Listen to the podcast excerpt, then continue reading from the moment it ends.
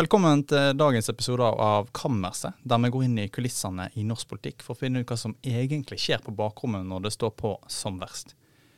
Hva er gale med norsk Ukraina-politikk? Det er det vi spør i dag. Og vi har med oss en gjest som har blitt kalt både Wonderboy, og som er lederen av en av de mektige komiteene på Stortinget. Og som helt på egen hånd har frakta militært utstyr inn i Ukraina. Men før vi går inn på kammer, så skal vi ta en liten tur innom forværelse. For å kikke litt på hva som har gjort inntrykk på oss den siste veka. Og Lars Inge, det er jo bare deg og meg her i dag, men eh, hva har gjort inntrykk på deg? Jeg skal være litt eh, navlebeskuende kanskje eh, i dag, eh, og eh, anbefale møtet mellom eh, Berit Aalborg, eh, vår politiske redaktør, og Trond Giske, lederen av Nidaros sosialdemokratiske forum, på Dagsnytt 18. Det møtet deres forrige uke det var vel verdt å høre på. Det er basert på saker som vi har skrevet om eh, Trond Giskes eh, rekruttering av eh, medlemskarer, eh, som ikke helt eh, Ikke alle de som helt vet eh, at de er medlem av Arbeiderpartiet. Ja, for det er folk som har meldt seg inn i, i Nidaros sosialdemokratiske forum, og så har de etterpå fått velkomsthilsen av Jonas Gahr Støre, mens de håper på en telefon fra Trond Giske. Nettopp. De ønsker å støtte Trond Giske, og så har de ikke helt fått med seg at de da melder seg inn i Arbeiderpartiet. Så det, det er veldig trist, det, det altså. Er litt, det, er en, en god nyhetssak. en god nyhetssak av vår kollega Ragnhild Rongstad. Ja. Og uh, som ja, viser jo det at hvis du skal melde inn i en fanklubb, så må du være sikker på at du vet at du melder inn i en fanklubb og ikke et politisk parti. Kanskje. Det kan du si. Og så ja. viser det at det, er litt annerledes. Vanligvis rekrutterer jo folk eh, partiene folk inn fylkesvis. Her er det jo da en, en gruppe som har rekruttert folk inn fra hele landet. Mm. Og jeg sjøl, jeg har omsider begynt å lese på uh, den fantastisk kritikerroste boken til Trygve Risar Gundersen, 'Haugianerne'. Som uh, er jo en betongkloss i, i, lengde, antall sider, men utrolig interessant å lese om denne bevegelsen og dette fenomenet som altså, eh, Hans Nilsen Hauge, som har liksom alle hørt om, og alle klamrer til sitt bryst, nesten uansett hvor du er. Og få dette liksom forklart. Hvor, hvem var han i samtida, og hva, hvor annerledes det så ut eh, den gangen. Altså, jeg kommer jo fra bedehusbevegelsen sjøl, og det er mange der som eh, har et slektskap til Hauge. Men det Risa Gundersen viser, at stort sett alle norske bevegelser har et slektskap til Hans Nilsen Hauge. Og eh, ja, en veldig, veldig, eh, veldig interessant bok. Jeg har lest, uh, lest den, jeg òg. Har ikke kommet helt gjennom ennå. Men uh, det er veldig fascinerende å høre uh, nye versjoner av en persons ettermæle. kan du ja. si. Og gjennomgang av det. Det er gøy. Historiefag, altså. Undervurdert. Er kjempegøy. Da er vi klare for å gå inn på kammerset, og der sitter det en gjest og venter på oss. og Det er stortingsrepresentant for Hordaland Høyre og leder av kontroll- og konstitusjonskomiteen på Stortinget, Peter Kristian Frølich. Velkommen, eh, Peter. Eh, vi er veldig glad for å ha deg her. og du er jo, At du ikke minst hadde tid, det er jo veldig bra. For i tillegg til å lede både kontroll- og konstitusjonskomiteen på Stortinget, og jobben som stortingsrepresentant, du kommer rett fra gruppemøtet i Høyre, så er jo du nylig aktuell som privatpraktiserende våpenhandler. Eh, og det at du da har tid til å komme til oss, er jo For du, for du har stått i bresjen for å frakte en stor mengde militært utstyr til Ukraina. Eh, hvordan kom du på den ideen? Det minner meg om filmen 'God of War'. Er det den heter? Det, er jo, um, det, jo, det høres jo voldsomt ut. Men eh, jeg må, jo, jeg må jo ta ned karakteristikken litt, for eh, det er jo heldigvis ikke eh, våpenhandel vi, vi holder på med. Det, det, er det ikke. Men vi, vi leverer utstyr til, til som, som, ender opp hos de militære, for å forsøke å hjelpe de i en veldig, veldig anstrengt situasjon. De står uten helt grunnleggende uniformsbekledning. De står helt uten altså Noe så enkelt som sokker varmt vinterundertøy. Uh, de mangler generatorer for å holde varmen. Uh, så vi prøver å, vi prøver å holde, holde motivasjonen og og moralen hos de oppe ved å, ved å kjøre forsyninger nedover. Så har vi også med eh, droner som brukes til eh, å observere, finne fiendtlige posisjoner osv. Det, det, redder ukrainske liv. Det er den klare tilbakemeldingen vi får. Så for å gjøre en lang historie kort, det, det er et meningsfullt eh, arbeid. Ha. Og du har vært flere turer ned til Ukraina sjøl? Ja. ja. Og, og, kan du ta oss med på innsida av det? Hva, hvordan er det? Ja. Nei, vi er jo en, en organisasjon nå med vi er vel nå bikket over 1000 medlemmer og donorer og sånn, som eh, bruker sparepengene rett og slett for å forsøke å hjelpe de som kjemper for eh, friheten. Og så er vi et eh, styre, og så er vi mange frivillige som jobber rundt det. Og vi organiserer innkjøp av biler, vi organiserer eh, anskaffelse av utstyr eh, som vi så pakker, setter oss bak rattet og kjører ned. Og Det virker jo litt voldsomt kanskje, men det er noe med eksempelets kraft. og rett og slett bare ja, man, man, sitter og tenker hva kan, hva kan man gjøre? Jo, hvorfor ikke gjøre noe selv? Så det slår bak det en slags sånn frustrasjon over at eh, vet du hva, dette må vi faktisk gjøre sjøl? Ja, ja det, det, er nok eh, Hvis jeg skal svare helt ærlig på det, så, så, er det jo en litt sånn Så kom det en periode med frustrasjon over at, uh, at ting gikk det var, liksom, det var i ferd med å glippe litt under radaren hos, hos både folk og myndigheter i Norge. Uh, alle har jo rett på en god sommerferie og slappe av, og sånn, men det virket litt som at tempoet i hjelpen til Ukraina begynte å, å, gå ned. Samtidig som russerne begynte å kjøre på med artilleribombardement som utslettet by etter by. Og eh, ukrainerne hadde enorme tap. Eh, og vi har jo hatt kontakter med folk nede i Ukraina som eh, de begynte å forsvinne én etter én. Eh, vi fikk meldinger om at i går døde han, og i forgårs døde han. Og så satt vi og bare tenkte hva, hva kan vi gjøre nå? Vel, da, vi, vi kom tilbake til samme, den samme gamle løsningen. Det, nasjoner må hjelpe nasjoner, men folk kan også hjelpe folk. Og Det er ikke en stor hjelp i den store sammenhengen, men de som mottar hjelpen, som vi kanaliserer via veldig sjenerøse donorer, eh, for de betyr det kanskje hele forskjellen. Det kan bety liv og død. Mm. Det er, jo, det er jo sensasjonelt at en stortingsrepresentant uh, gjør denne jobben på egen hånd. Den frustrasjonen må være ganske sterk da, med uh, håndteringen fra Norge. Hva, hvor, hvor, mener du det går for tregt? Mm. Det, det, er ikke bare en, en rage-handling, skal jeg til å si. Det er ikke bare, det er ikke bare liksom, sinne og frustrasjon som ligger bak dette. Det, det, er nok et sånn kall også for at jeg tror vi, Som vi alle kjenner på i ulike sammenhenger. Eh, sånn, eh, dette er nok den kampen i vår generasjon som er aller mest avgjørende og viktig. Altså, og Da blander jeg ikke inn klimakamp og de store liksom, eksistensielle problemene. Men eh, tyranniet har vært på marsj tidligere i historien vår. Og generasjonene før oss har stilt opp, gjort jobben eh, og forsvart fremtidige generasjoner. Eh, og på mange måter så er det vår, nå er det vår vakt. Nå er det vi som må på å stoppe tyranniet og autoritære krefter når det er på fremmarsj vi kan ikke hoppe i skyttergravene, og vi er, ikke, vi er, heldigvis, takk og lov, ikke der at vi trenger å gjøre det selv. Det må ukrainerne gjøre eh, for oss, men vi må prøve det beste vi kan for å hjelpe dem. Og, og derfor eh, tenkte vi rett og slett å bare prøve å gå foran med et godt eksempel. Og så sier jeg ikke at folk liksom Det er jo ikke nødvendig at alle kaster seg i bil og kjører, sitter bak rattet ned til, til liksom, øst i Ukraina og leverer til styrkene. Men alle kan gjøre litt. Og det er der det, det er på en måte der eh, jeg håper å kunne motivere andre til å ta et ekstra tak. Mm. Og, du har jo vært veldig opptatt av eh, kamp mot autoritære krefter, og, og, du har flere ganger tatt opp eh, eh, altså minne om andre verdenskrig og kampen mot uh, tyskerne her i Norge. Hvor kommer dette engasjementet fra?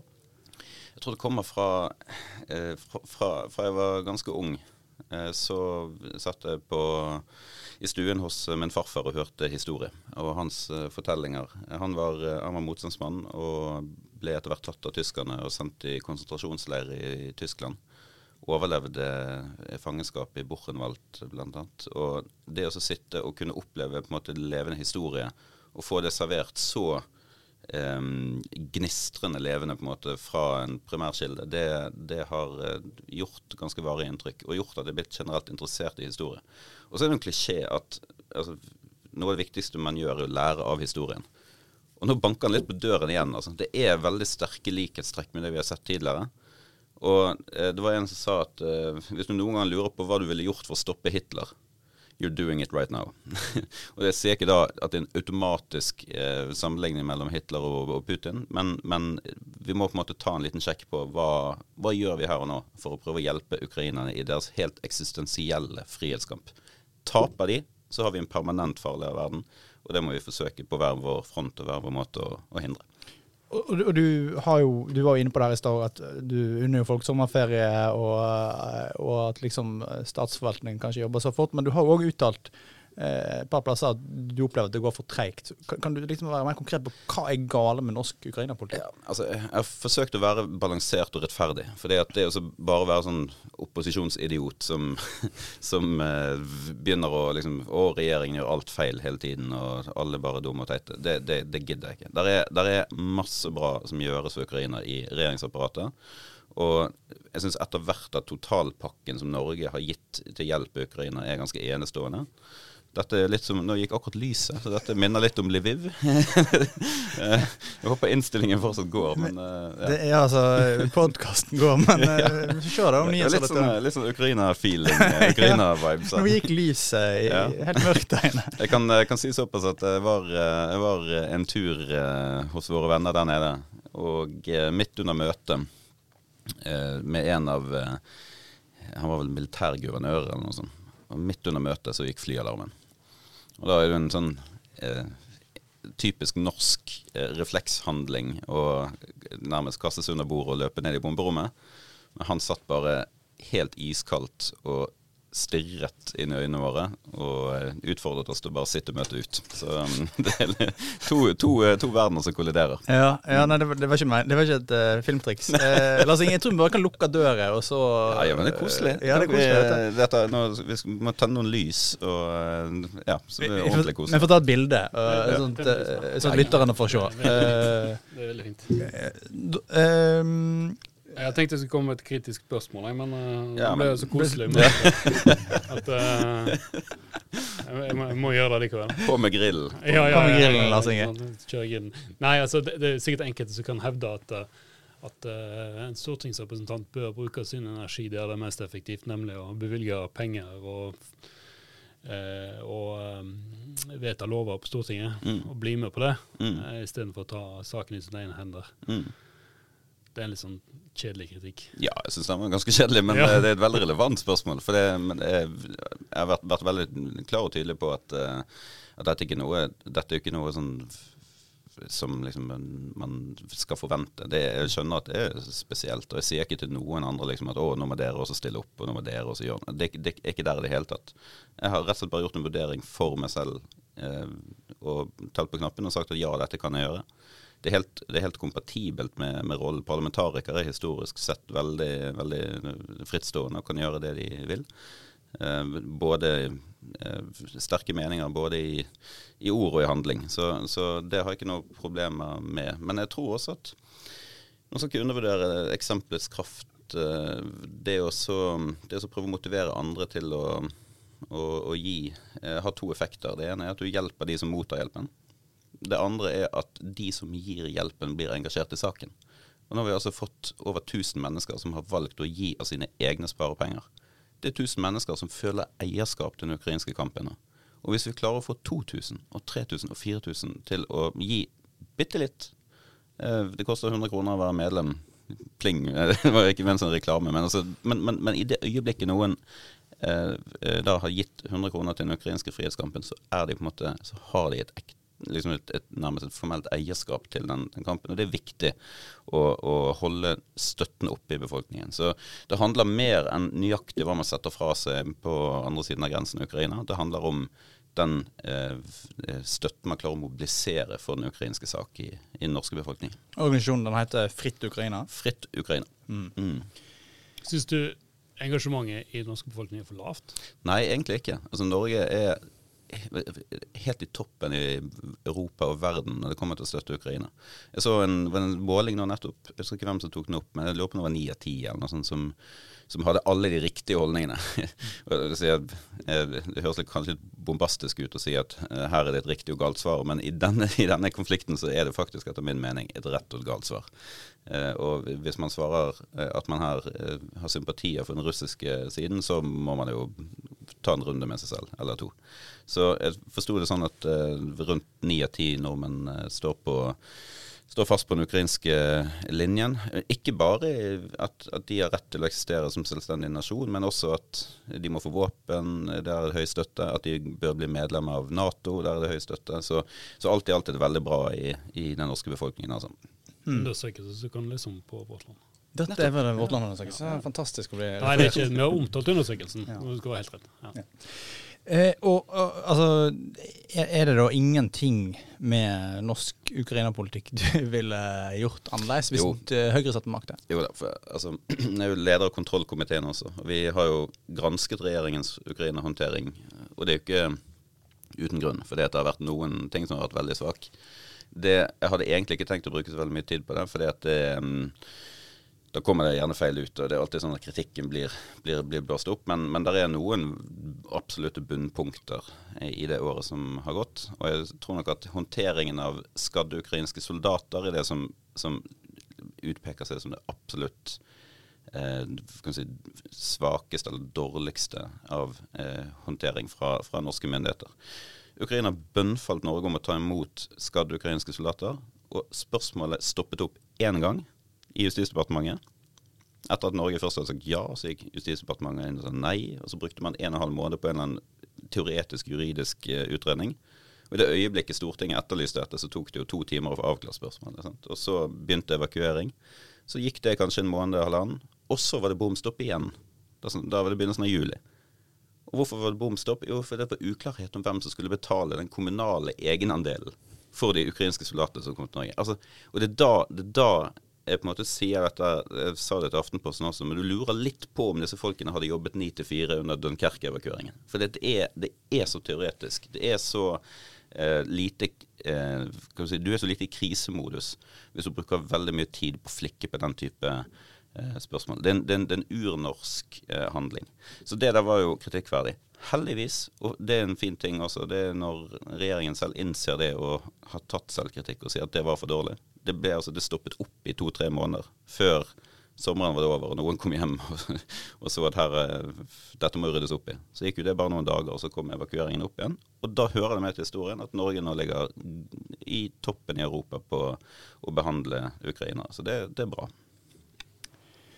Det er veldig bra. Eh, og, vi vil jo òg Du er jo eh, leder av kontroll- og konstitusjonskomiteen, eh, som i mange, under mange regjeringer har spilt ei viktig rolle for å eh, tippe ut den ene og andre statsråden. Mm. Eh, hva, hva, tenker du nå om den aktuelle saken som pågår akkurat nå? Altså, det er jo uh, TikTok-høringen. TikTok on, on our minds uh, akkurat nå. Ja, jeg må innrømme at um, uh, Ja, det er jo så jeg hadde som sagt en liten tur i Ukraina, og da er man uten mobil. Og når man skrur på den mobilen og kommer ut og ser at uh, det man har tullet med tidligere om TikTok-høring, plutselig blitt en kjempeaktualitet og er på alles uh, lepper, det, um, eller tunger, heter det vel. Uh, det, ja, det er jo en litt sånn typisk, sånn, typisk politisk diskusjon etter, som kanskje ikke gir så veldig mening for folk utenfor.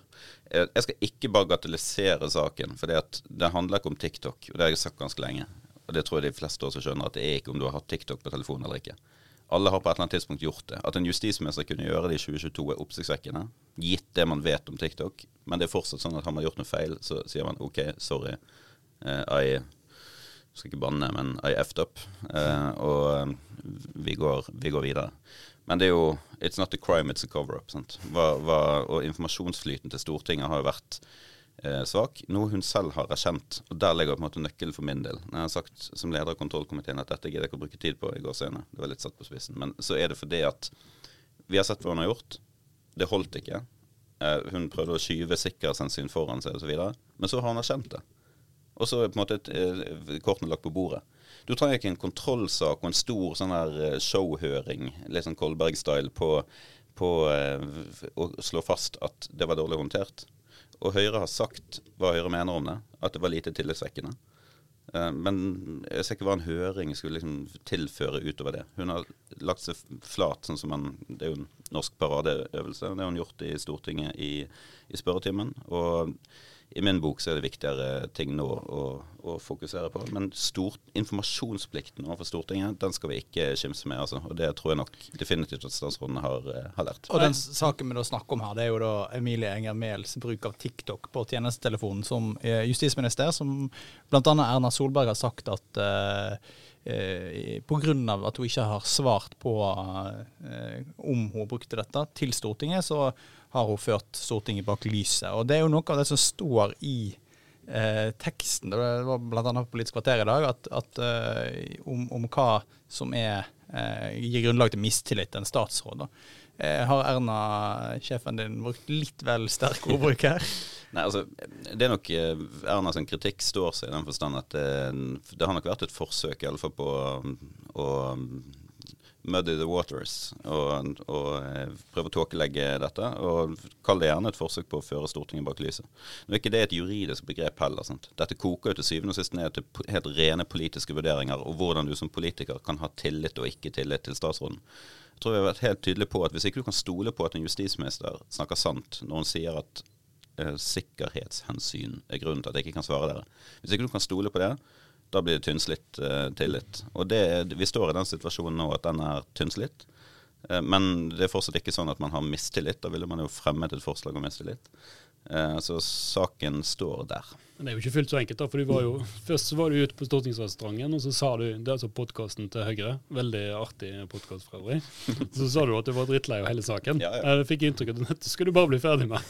og så tok det et par dager, og så gikk Erna Solberg, sjefen din, ut og sa at eh, nei, nå var det, nå var det plutselig før Stortinget bak lyset, så du fikk ikke fred likevel. Nei, så det er jo ikke sånn at Høyre har hatt én konsistent linje oppi dette her. Helt ærlig, hva tenkte du når hun gikk ut og sa det? nei, altså, jeg, jeg, jeg skjønner godt Folk må jo si hva de mener om dette. Sant? Det er jo det, det, som jeg sier, det koker jo ned til man, hvilken grad av tillit man, man føler overfor en, en statsråd. Eh, det at Erna går ut og sier akkurat hva hun hadde på hjertet og syns om dette, det var helt fint. Og så er kontrollkomitéleder og sier at eh, og ser behovene som komiteen har for mer informasjon i saken, og ser at eh, basert på det som er kommet frem, så har vi nok informasjon. Du trenger ikke ekstra høringer og ekstra saksbehandling på toppen av dette. Eh, men det er nok i alle fall til å kunne konkludere både som enkeltrepresentanter og parti at dette var veldig lite tillitvekkende håndtert. Ja. Det er der Høyre lander nå? Det blir ikke mm. flere sånne ulike Høyre-standpunkt i denne saken? Nei, altså mindre Nei, altså, nei jeg syns egentlig ikke det har vært ulike heller. Men kommer det, kommer det, mer informasjon nå, kommer det nye vendinger av saken, så er jo Da kastes jo alle alt up in the air. Men, men, eh, men, sånn som saken ligger nå, med den informasjonen som har kommet frem i media, det som statsråden selv har sagt i Stortinget, informert til Stortinget, så tror jeg at det er på tide å løfte blikket og se fremover. Eh, Peter, betyr det da at uh, du som leder av kontroll- og konstitusjonskomiteen her og nå kan slå fast at Emilie Enger Mehl blir sittende som justisminister? Er vi over på profetien nå? ja, nei, altså den Jeg hadde ikke Jeg, jeg hadde ikke um, jeg hadde ikke satt veldig mye penger på eh, at, um, at uh, en statsråd kan bli sittende over tid hvis, hvis, man svarer Stortinget på den måten. Så det blir jo interessant å se om det blir på en måte en justering i kurset. Sånn. Hun har fått kritikk for dette tidligere, for svak informasjonsflyt til, til Stortinget. Så, Tabbekvoten brukt opp, da? Der, eh, det, det, kunne vært en god overskrift. ja, var det, men, du sa men, nesten så. Eh, ja, ja. Altså det er iallfall eh, kvotene, som, eh, som, mange andre kvoter, de, de, de innskrenkes jo og reduseres. det er klage fra mannen med vinmonopolpose. Men, men, men, Nei da, altså, jo, nei, selvfølgelig. Det, det det har jo konsekvenser når man, eh, når man opptrer som på, på, den måten der. Og på et eller annet tidspunkt så går jo Stortinget lei. Det vet vi jo historisk. Jeg hørte et tydelig og klart ja på at eh, tabbekvoten var brukt opp. Ja, vi hørte det fra mannen med Vinmonopolposen som ligger midt på bordet i dette mørke rommet, eh, som Peter hadde med seg da han kom i dag. Ja. Eh, og vi må videre i episoden, for nå skal vi innom det faste punktet ukas profeti, eller ukas profeti, som vi sier i Hordaland. Eh, der skal både gjesten og en av oss faste i kammerset komme med en målbar profeti om eh, norsk politikk. Og Peter, vi har utfordra deg. Hva er hva er din eh, dristige profeti? Du du er jo dristig i dine politiske kampsaker, i hvert fall. Hva, hva tenker ja, du her? Nei, altså jeg, jeg, hadde jo forberedt meg til denne spalten med å komme med et eller annet uh, storpolitisk Ukraina-profeti og sånn, og så forstår jeg at vi skal veldig vi skal, vi skal, så til de grader hjem til norsk politikk og hjemlige forhold. Og da er jeg litt på bar bakke, og så spurte jeg litt en desperasjon rundt hos kollegaer. Hva, hva kan man spå om norsk politikk? Og det var at det blir regjeringsskifte 2025. Det, det er så dritdårlig. Elendig profeti. At uh, Emilie Enger Mehl går av i 2025? Uh, eh, ja, det er jo, ja det, hun sitter ikke forbi 2025, men det kan vi i hvert fall uh, si. Ja, det, ja. det er mest høyrespinnaktige profeti. Ja, det, er, det, er så, det er så svakt at uh, det er rett og slett Nå ødelegger hele spalten her. Så men veldig, veldig interessant. Du hadde jo en profeti om Ukraina. Altså, Der kunne du dele noen analyser der. Jeg tror at etter dagen i dag, så tror jeg at uh, Ukraina får uh, vestlige kampfly, F-16. Det var den profetien jeg ville komme med her og nå. Og jeg vet ikke om dere har fått sett Zelenskyj i det britiske parlamentet, men det var, det var, sterke scener. Der får han overlevert til the speaker of the house en kamphjelm fra en av de beste ukrainske pilotene, med påskriften vi har, vi, vi har frihet, gi oss eh, eh, vingene til å forsvare den. Og det, den eh, sitter i eh, det britiske parlament, hjemmet til den gamle Spitfiren fra andre verdenskrig. Dette skjønner britene, og jeg tror at det der kan være en eh, game changer som gjør at du får litt fart på sakene og begynner å både trene opp ukrainske soldater og eh, gir de de kampflyene som de trenger. Ja, og britiske myndigheter, den konservative regjeringa i, i Storbritannia, varsler vel i dag òg at piloter skulle, altså Ukrainske piloter skulle trenes opp. Så det er ja. dristig profeti der òg. Eh, du redda deg inn, vil jeg si. eh, og så er det meg, da. Jeg, eh, jeg, har en profeti, og den er så til de grader mer lokal. Eh, så lokal som du kan få den, vil jeg si. Eh, fordi den handler om lokalvalget og Senterpartiet.